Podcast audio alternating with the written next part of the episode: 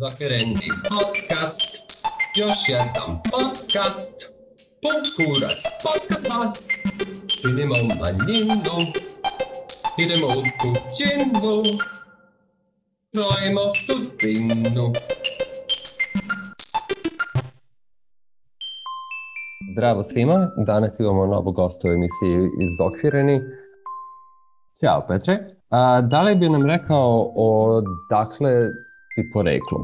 Pa, rođen sam u manjem gradu u centralnoj Srbiji, ali sam tamo samo rođen i onda sam odrastao u Vojvodini, u nešto većem gradu i tamo sam bio do neke svoje 20. godine, da. Ovaj, I ja prvi, prvih deseta godina sam odrastao u Jugoslaviji, drugih deseta godina u Jugoslaviji u raspadu. Uh mhm. A da li želiš da nam kažeš gde sada živiš? Sad sam, sad sam u, na zapadu Nemačke, u većem gradu, da. I tu sam već nekih 20 godina. Super. Ajde pre nego što krenemo na ovo malo zbiljne pitanje da uradimo na malo zagrevanje. Euro, Eurokrem ili Nutella? Pa znamo ti kažem, ne volim ni jedno ni drugo, ali ako bih morao da biram, mm, Nutella. Koji jezik i govoriš? Srpski, hrvatski, bosanski, crnogorski, da budem ovaj, korektan. Uh, onda nemački, engleski, pomalo portugalski.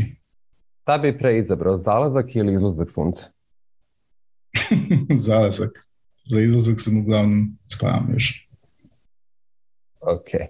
Ajde sada da se vratimo na ono sam start. Dao si nam otprilike odgovor odakle si, pa ajde sad to da proširamo. Pričaj nam priču o svom odrastanju i spoznaju svoje seksa, seksualnosti kroz prostor i kroz vreme. Uh, to je sad malo spontano, pošto mislim na srpskom to nisam, nisam zaista nikad pokušao da sažmem. Imamo strpljenje, svi znamo da su ovo ljudi Ali... inostranstvo i da verovatno zbog toga ređe koriste srpski, tako da nećemo biti gramatička policija? Ništa, to ću se, to ću se malo setiti maternjeg. Ovaj, pa mislim, kad sam bio dve, tri godine, tek sam naučio da pričam i pitao sam se na televiziji kod tih serija američkih dinastija i šta je bilo, ne znam ja, kako su se sve zvale. Pitao sam se zašto se ne ljube dva muškarca nego samo muškarac i žena. Ali sam imao osjećaj da to ne pitam, niti roditelje, niti bilo koga drugog. Sa nekih 5-6 godina je neki brat od tetke i još jedan drugar iz zabavišta već pravio viceve o homoseksualnosti, o pederima i onda sam pomislio, ok, to je kao nekako vic protiv mene, tako da sam prilično rano shvatio, ok, bolje ćuti, nemoj ti o tome da bolje da pričaš. I tako do neke 13. 14. godine bilo manje više ok. I tad je počeo pubertet, počela ta seksualnost koja koja nije više dečija seksualnost, nego je tinejdžer i razvijaš se i pubertet. Je. I isto vremena je počeo rat. Moj otac je bio hm, levičar, socijalista koji je većina tada i onda je bio nekoliko meseci na ratištu, vratio se tako da ga nisam mogao prepoznati, bio je, znači otišao je kao internacionalista, jugosloven, komunista, vratio se kao nacionalista e, koji ne voli druge jugoslovenske narode i svađali smo se svaki dan. I onda sam u kombinaciji sa tim ratom, sa tim raspadom i mm, tom mržnjom koja je rasla prema svakom ko je neka manjina ili druge religije, druge seksualnosti, druge boje kože nismo imali u Jugoslaviji, ali, ali ajde, kogod je malo od udara od tog uh, standarda se osjeća ugroženim i moja prednost i mana je bila što sam to na neki način mogao ili se trudio da sakrijem. I to je, kako da kažem, prednost je bila možda zato što nisam kao recimo neko ko je mađar bio opsovan zato što je mađar svaki dan, nego ljudi jednostavno nisu znali, ali je i velika mana jer to nosi sa sobom psihičke posljedice za ceo život. Da, i nekih, sa nekih 20 godina sam napustio zemlju i tada je krenulo ne, oslobađanje. Ajde se vratimo malo na te vicove koje su spomenuo. Da li su one bili upućeni direktno tebi ili si samo slušao ljude kako se šale na taj račun? Pa to su bila deca, mislim kad sam posle, posle naravno opet i u školi je bilo viceva, ali kad smo bili deca, to je bilo, se družimo, tako smo nas petoro, šestoro i onda uh, vicevi o mnogo čemu, ali i o homoseksualnosti, o pederima, negativnom kontekstu su bili da sam ja bio deo te grupe i svi se smeju, kikoću i onda ajde ja ću sad, čisto da glumim od malena i to je zaista da, naporno. Kasnije u školi su vicevi možda bili mislim, vicevi kao vicevi, samo što sam moja uloga se nije mnogo promenila dok nisam napustio zemlju. Tek tada, tek tada u, na zapadu Evrope sam imao hrabrost ja kažem nekom, ej, pa to ti je sad glup vic ili ne znam, nije baš smešno. Mada nisam uvek imao potrebu sa konfrontacijom, da. Meni se da su to tvoji prijatelji, drugari koristili takve viceve te prirode. Da li si se nekom u Srbiji autovao pre nego što si otišao za Nemačku? Da, čekaj da se setim. Prvo sam to rekao mojoj sestri, koja je nešto mlađa, i nije baš bila oduševljena, reagovala je čudno, što me je vrlo razočaralo. Rekao sam isto jednoj sestri od tetke, ona je isto bila prilično razočarana, imao sam jednog dečka pre nego što sam otišao i nekoliko prijatelja kojima sam isto rekao, ali tek kada sam imao tog prvog dečka, da, onda, onda sam rekao, ajde sad, ne da znam, nego, nego jednostavno sad ne želim da živim taj dupli život u toliko ekstremnoj formi, nego barem da nekoliko ljudi koji su mi važni u okruženju, da, da od njih nemam stvarno šta da krijem i nisam, nisam se ni bojao da, da, da im kažem zato što su oni u više naznaka isto o mnogim temama govorili pa i u toj sa pozitivnog aspekta, tako da to je bilo ok, da, i u Beogradu je bilo puno pozitivnih uh, aspekta kad sam tamo živao kratko vrijeme. Šta je bio odlučujući faktor da se svoje sestre prvo autoš? Mislim da je čista tradicija konzervativizam ovaj, kao sestra najbliža mi je mislim, od majke i oca. Prvo da počnemo od toga, porodica. Mislim, mnogi i, u, i na zapadu su što se toga tiče konzervativni kažu da je jako važno da te porodica prihvati tako kakav si. Ovaj, da, mislim da je to bio neki konzervativizam, jer koliko god sam se ja trudio da budem u mnogim stvarima liberalan, ipak sam odrastao mm, u konzervativnoj sredini. Da. A, nažalost, kažeš, ona u tom momentu nije najpozitivnije odreagovala. Kakva je bila tvoja reakcija na tu njenu relativno negativnu reakciju? I ja sam pokušao mnogo, mnogo tih negativnih stvari da, da zaboravim. Šta ja znam, bilo je u Srbiji da sam ja tamo ostao, čini mi se da bi bio narkoman, mislim, i, mislim da bi se odlučio da krenem tim putem, manje više svesno, jer bi to bio neki način da, da se odvijem u društva koja me plaše.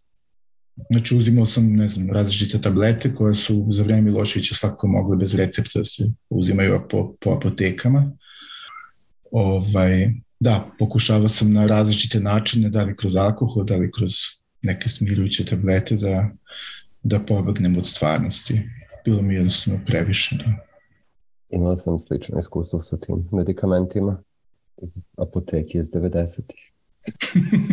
najgore, najgore je bilo u Crnoj Gori kad smo, kad smo otišli tamo i sad ne znam kako se svi ti medikamenti zovu, ali sa drugaricom sam bio tamo na, negde u Herceg Novom i u apoteci apotekarka kaže ne, ti koje tražite moraju na recept i ovi drugi moraju na recept, ne i ovi moraju na recept.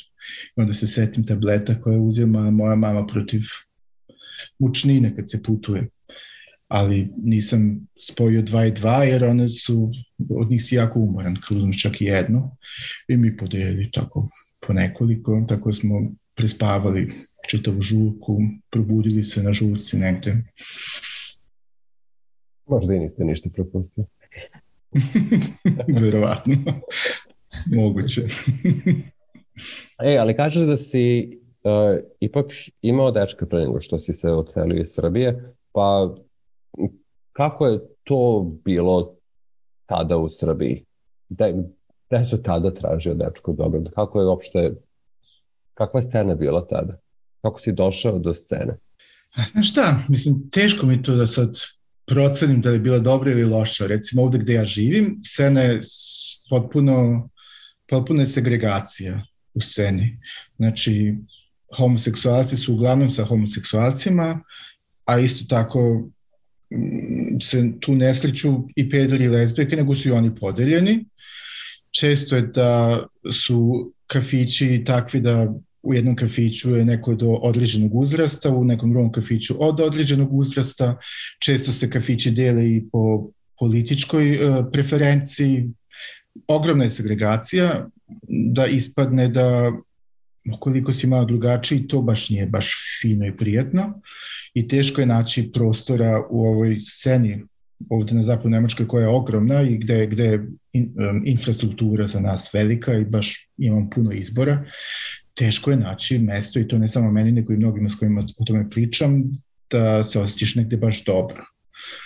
E, u Beogradu je bilo tada drugačije, krajem 90-ih, bilo je slično kao recimo kad odem negde u neka ruralna mesta zapadne Evrope koje su nešto manja, e, homoseksualci su tu, ali sa svima ostalima. I svi ostali su između 18 i 80 godina i svi su zajedno na, na svi zajedno plešu ili, ili ovaj, svi su političkih orijentacija i pravo da ti kažem ja ne znam šta je bolje. Mislim, volio bi kad bih u jednom gradu imao jedno i drugo, ali ja ne znam da li taj grad postoji.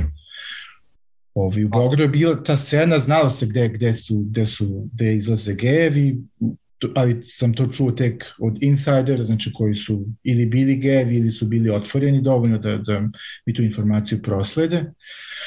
Uh, to šta ja znam, mislim, bilo je dosta lepo, mislim, lepo iskustvo, bila je odlična muzika, bili su uh, super tipovi koji, koji su fletovali sa mnom, jer sam bio mlad, mislim, kao većina sa nekih 19-20 godina izgledaš dobro, sigurno bolje nego sa 40 ili 50. Jedino što mi je baš bilo mučno je što nisam imao hrabrosti da to živim. Misliš van žurke? Ili da pa, ideš hrabro za odličnu žurku? Ne, ne, ne, to da, to da. To je, imao sam hrabro si na žurku, ali te žurke nisu bile mm, oficijalno gej, nego su bile gay-friendly mesta. Ovaj, um, ali da živim seksualnost. Mislim, znači da kad neko flertuje sa mnom ili kad njih deset flertuje sa mnom, da ja isto tako flertujem, ali se na tome i završi, kao da ne želim više, u stvari sam i tekako želeo više, jer sam bio, kako da kažem, od svoje 13. godine pa do 20. manje više zreo da počnem da živim seksualnost, ali to nisam činio i mislim da je to, to nije dobro, koliko se to toliko dugo. A čega si se bojao? Konsekvenci. Bojao sam se da imao sam neki panični strah, mislim, u tom društvu. To je delimično bilo do mene, ali mislim da je taj strah bio i delimično uh, zasnovan na, na lošim iskustvima drugih, iz, iz mog okruženja. Znam da je bilo ljudi koji su bili u očima nekih mačo muškaraca više isfeminizirani i bili su više u opasnosti da budu pretučeni, bili, bivali su pretučeni i gonjeni i, to sam doživeo u mom okruženju par puta, znači ne, na meni lično, ali sam i tekako s jednim mojim dobrim drugom tada zajedno bešao jer je on bio ugrožen, a ja sam bio izašao s njim, tako da sam ja bio ugrožen. tako da mislim da taj strah je i kako imao nekog smisla, ali možda sam ja i preterao, pošto sam baš i kad je bilo vrlo safe, vrlo sigurno i čak i tada sam se bojao.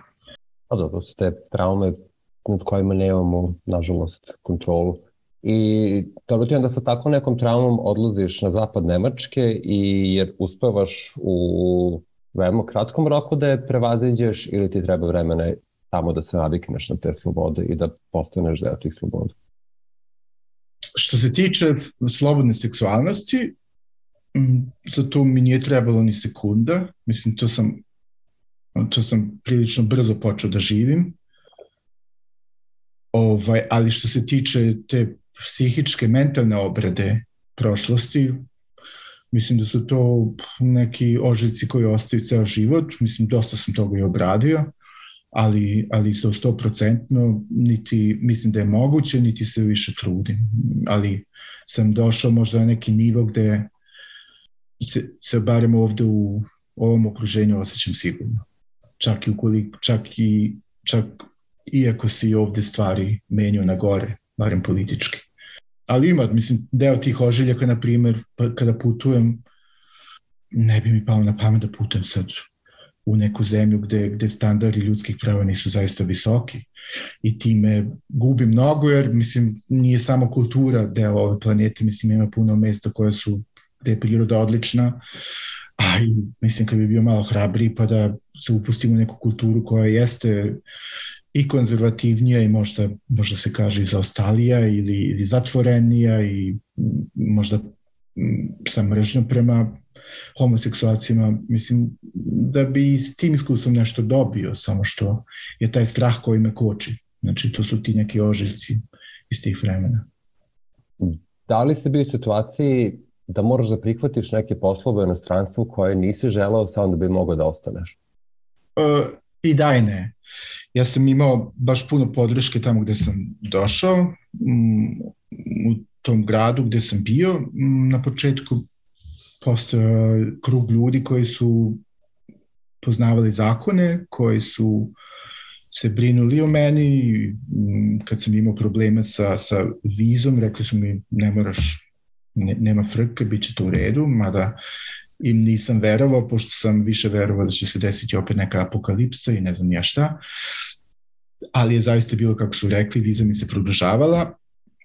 Problem je bio što od države nisam imao prava da dobijem bilo kakve uh, bilo kakvu podršku za, kad sam recimo rekao, ajde sad ću se školujem, nisam mogao da dobijem podršku koju su imali nemački građani, već sam morao da zaradim za to.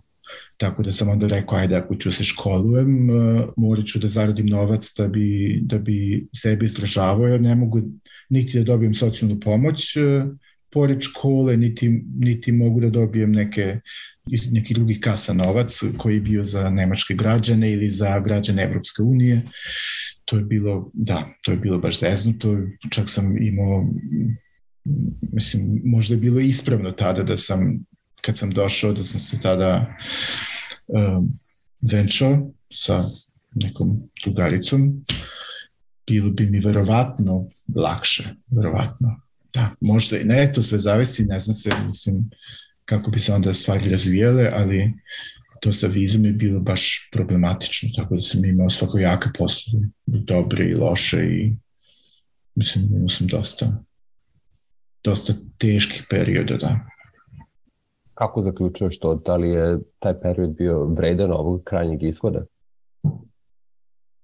A kad bih ovog momenta umro, onda nije vredan, ali pošto mislim da ću živjeti još par decenija, ovaj, onda mislim da je sigurno bio vredan zato što se stvari razvijaju mislim, ovaj, mislim ono što sam želeo prije pet godina ne želim sada mislim neke stvari ne želim više isto što se tiče mm, ne verujem ja u karijeru ali što se tiče nekih poslova koje bi rado radio ili bi manje rado radio što više iskustva stičeš na tržištu, to, to više znaš šta uopšte ti je važno na tom tržištu. Recimo, meni je važnije da imam okruženje, da sam s ljudima koji su mi super, nego da budem u lošoj firmi, ja da zarađujem duplo više, ali tu priliku bih imao. Mislim, ja mogu da, ne znam, ja se prijavim za poslovu u nekoj firme koja je u farmaceutskoj industriji, gde je uglavnom atmosfera znatno lošija, stres je ogroman i mogu bi da zarađujem znatno više, ali mi je to recimo nebitno. I sad je pitanje koliko su mi bitni neki poslovi i to sve, to je sve pitanje i ličnosti, a i toga kako se razviš kao čovek. Mislim, ono što sad želim, što mi je sad kao na umu da se, da se razvijam kao u sledećem koraku, to nisam znao za pre godinu dana da ću uopšte želeti da idem u tom pravcu.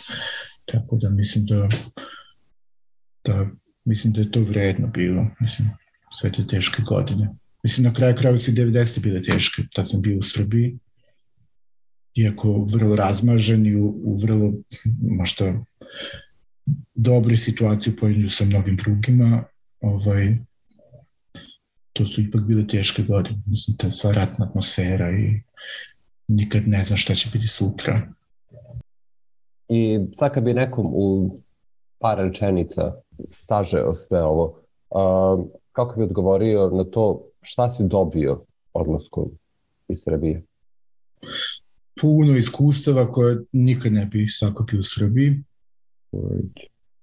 Neke druge ekstreme sam doživeo u poređenju sa ekstremima koji su u Srbiji, ali sam istovremeno dobio šansu i da, da se, kako kažem, da sletim.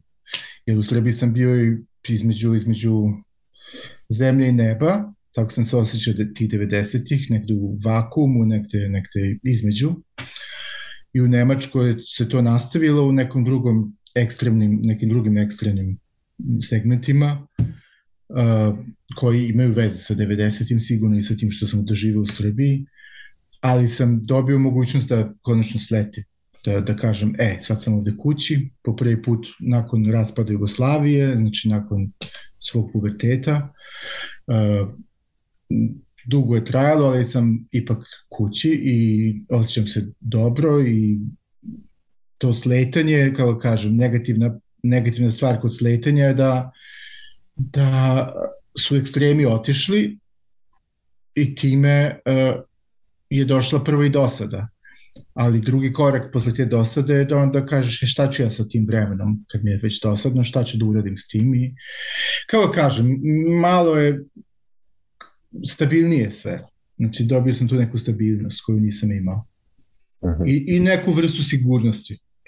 Znači još uvek sam, kao kažem, još uvek sam plašljiv, ali ne toliko plašljiv kao što sam bio i svestan sam da, da živim u zemlji gde, gde barem neka osnovna prava su mi, su mi zagarantovana. Imam poverenje u policiju, na primjer, to nisam imao dugo vremena. U Srbiji nisam imao 90-ih i trajalo je ovde u Nemačkoj nekih 10-15 godina da, da uopšte imam poverenja u ovu novu zemlju u kojoj sam. Da li se osjećaš bezbedno u zapadnoj Nemačkoj sa tim što si Uglavnom, uglavnom. Uglavnom, mislim, redko kad e, sam na, naišao na, na agresivne ljude, mada ih svuda ima naravno, ali nisam imao zaista loše iskustva. Jedan, jednom sam sreo nekog neonacistu u, u vozu, ali on mi nije pretio jer sam gej, nego mi je pretio zato što nisam nemačko porekla. Ovaj, to mi je bilo jedino ekstremno loše iskustvo sa, sa ljudima u tom nekom privatnom kontaktu. Mislim, iskustva sa institucijama su bila dosta loša, mislim, sa tim vizama i produžavanjem viza i sa svim tim maltretiranjem i, i netransparentnošću, to, to ne bih nikad preživao da nisam imao pomoć. Mislim. A, da li se javno gej tamo?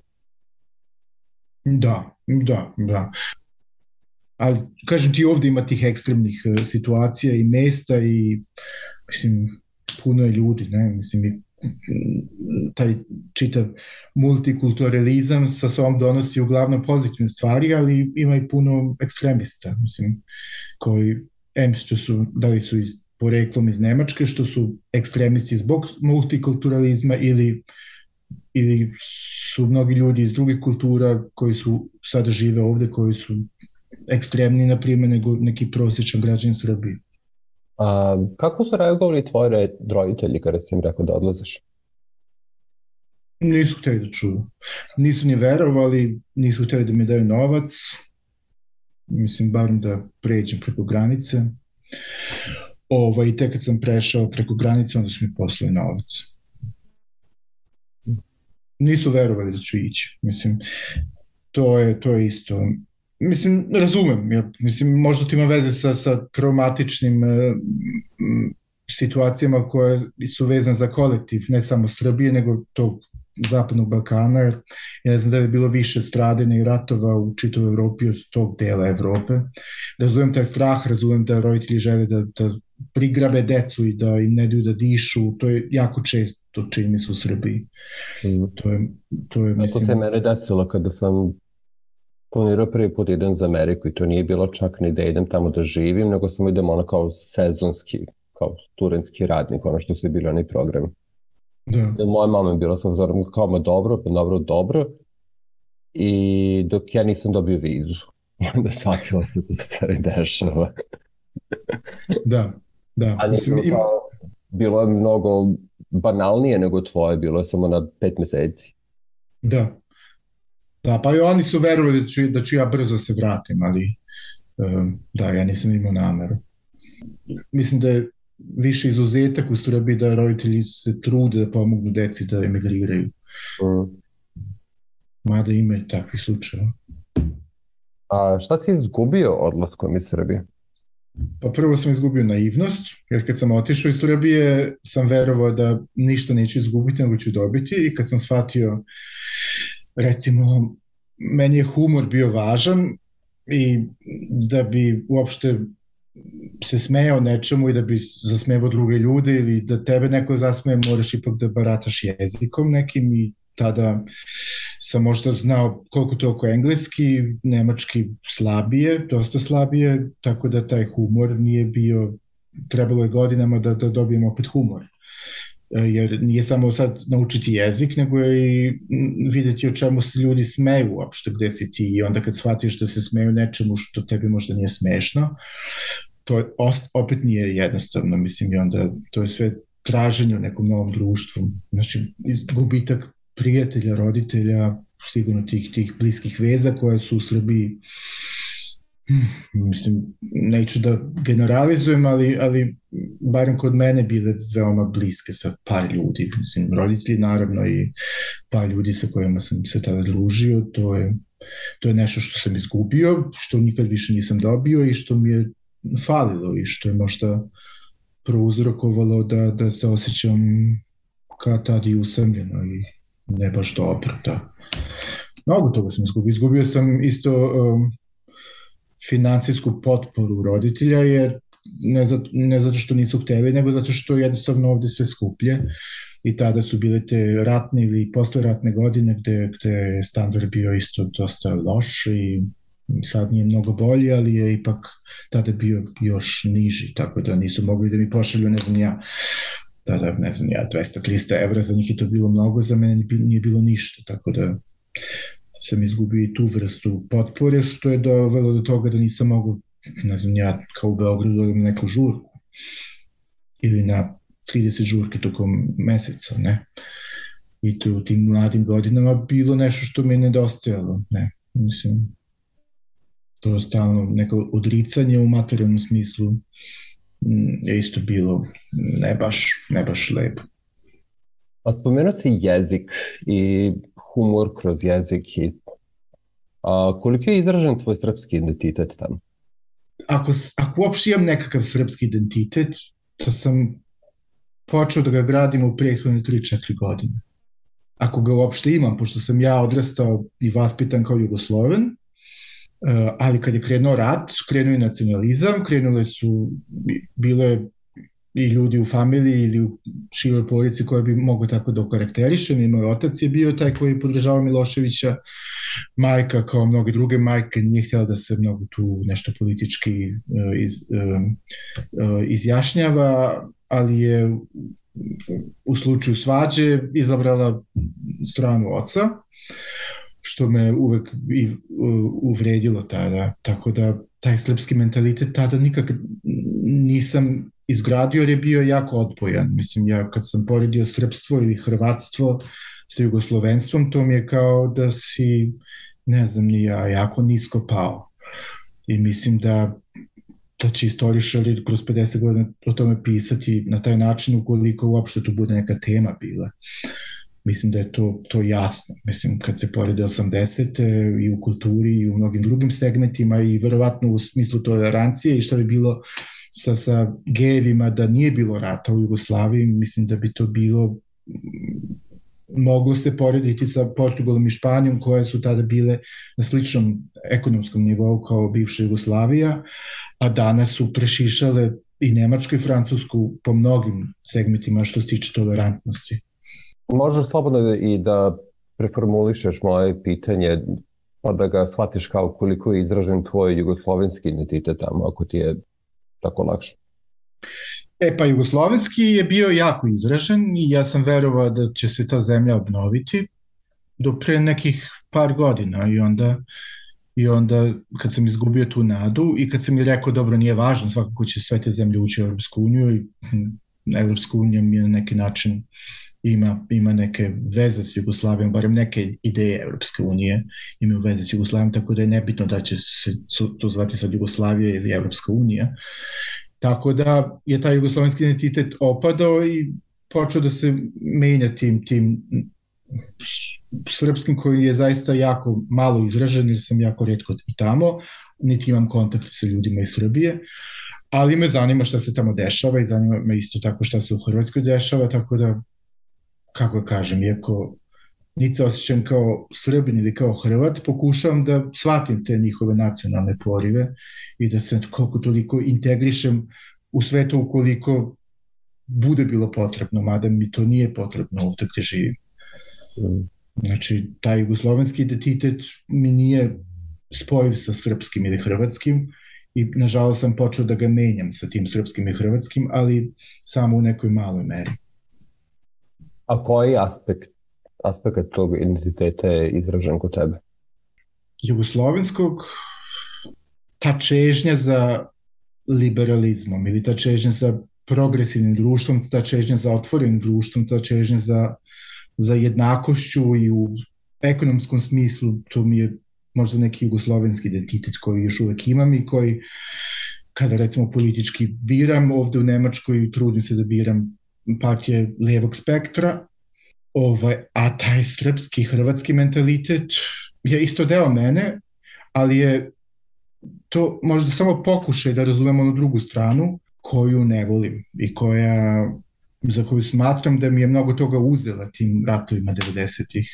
Mnogo toga učinila težim u životu. Jer za mene Jugoslavija bila nešto više od nacionalnih država Evropske unije na to sam i ponosan na kraju krajeva, to nije loše. Mislim, kada objasnim ljudima to u Nemačkoj, mnogi su i obrazovani, mnogi su no, mnogo toga znaju iz o bivšoj Jugoslaviji, pa i ne moram da im objašnjam, ali oni koji se interesuju su, kako kažem, onda im zablistaju oči, pošto im se probudi neka nada koje nemaju u ovom društvu i to je taj neki pozitivan aspekt jugoslovenskog identiteta, ali opet kažem ta nada se guši kod mene i kod drugih.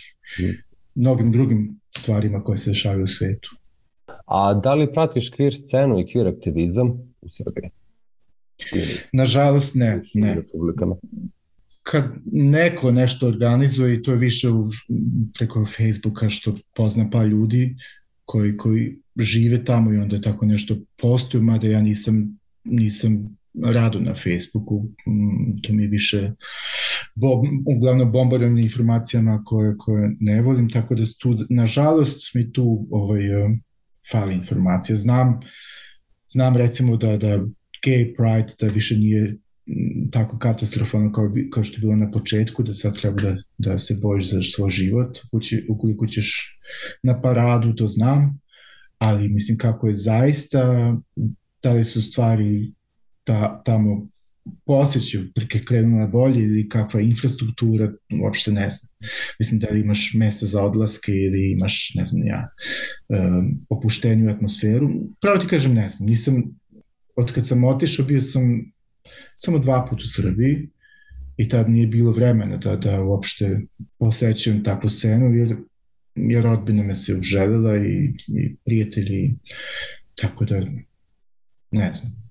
A kako ti reaguješ kad naletiš na ljude iz Srbije ili iz prostora bivše Jugoslavije tamo? To je kad prepoznaš jezik na ulici ili kada dođeš u susret tim ljudima?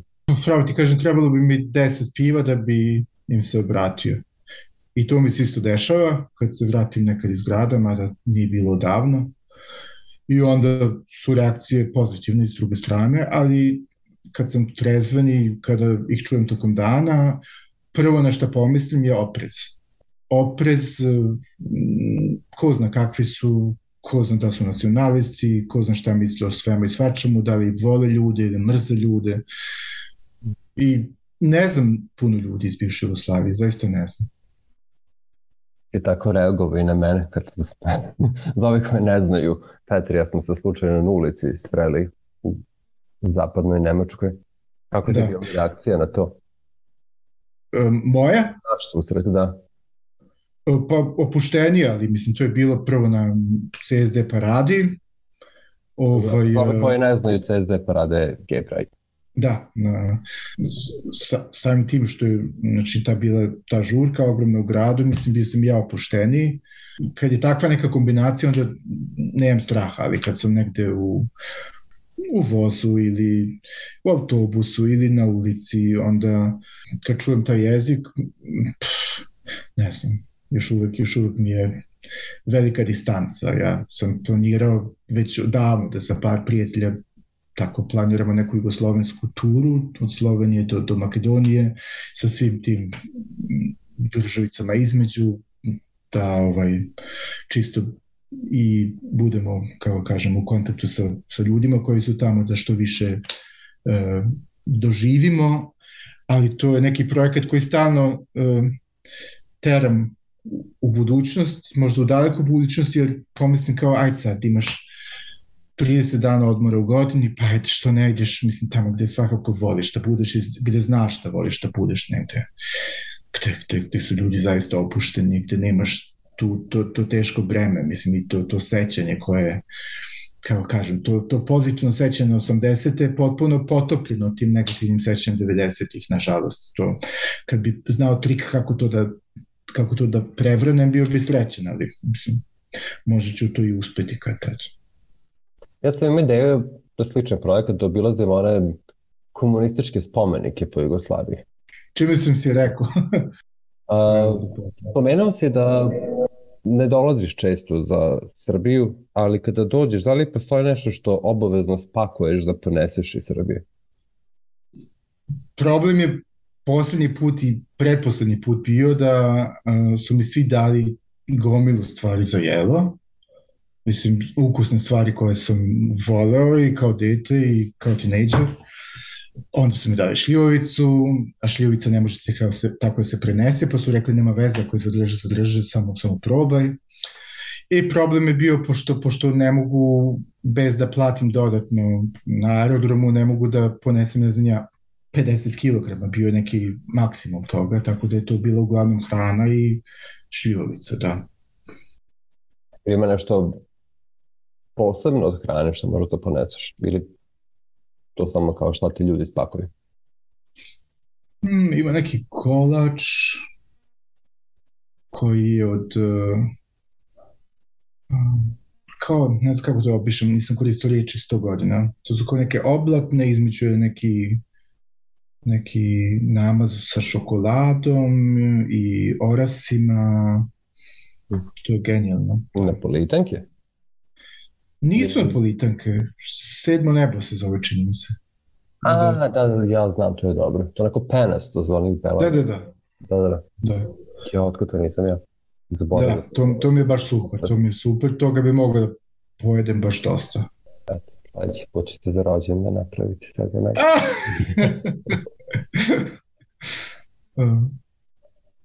Da li ima nešto što bi poručio okvir ljudima koji razmišljaju da napuste prostore bivše Jugoslavije ili Srbiju?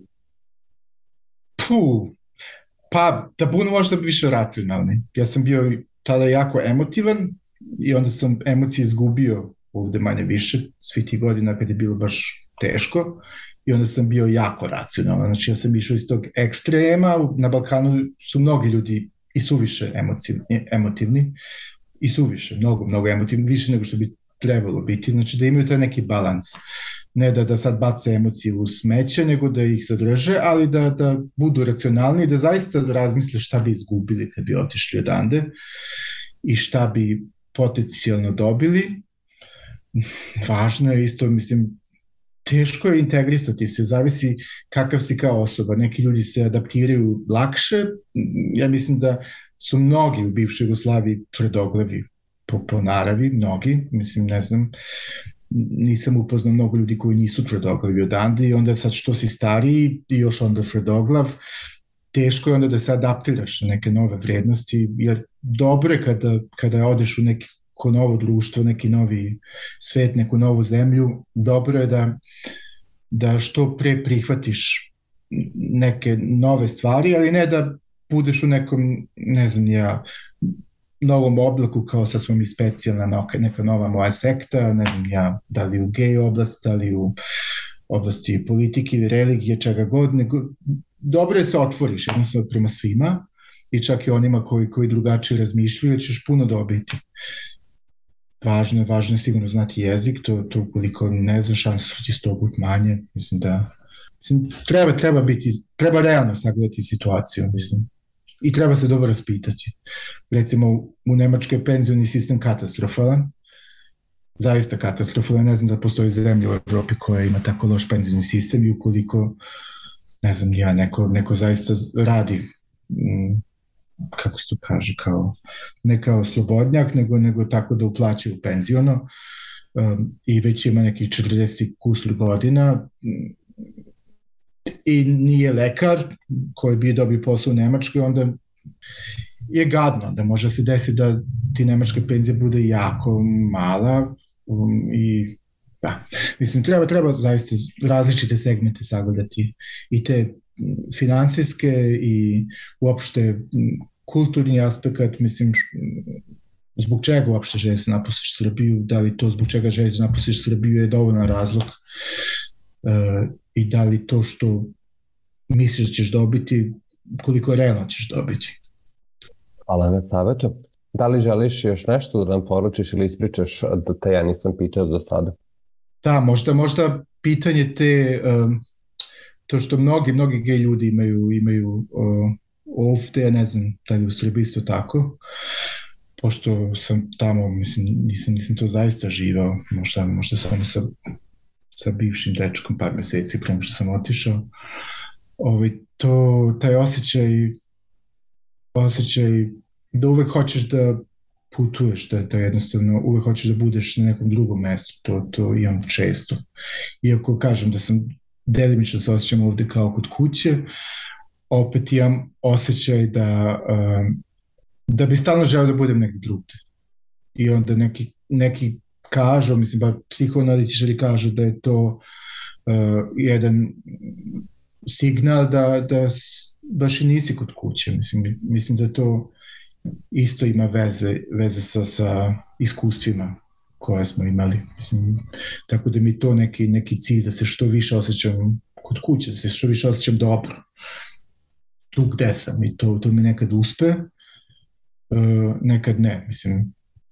Meni jer samo preostaje da ti se zahvalim, da ti poželim da ti taj osjećaj doma samo ojača vremenom.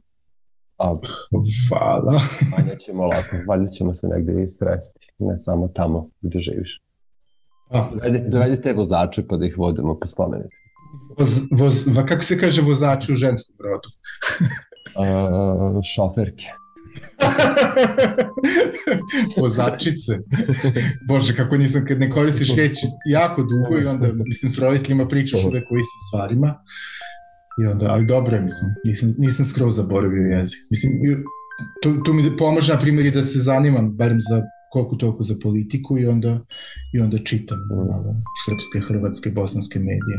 Ako nisam ja toliko puno zaboravio taj nemački, za pet godina nisi ni ti puno zaboravio svoj maternji. A tvoj, tvoj nemački je odličan, ozbiljno. Ozbiljno. Pa ispo je mnogo bolje nego što sam očekivao. Izokvireni podcast možeš pronaći na sajtu izokvireni.com. Tamo ćeš već videti linkove za naš profil na društvenim mrežama. Ako ti se dopadamo, označi to i tamo i još bolje ostavi nam recenziju na platformama na kojima nas pratiš.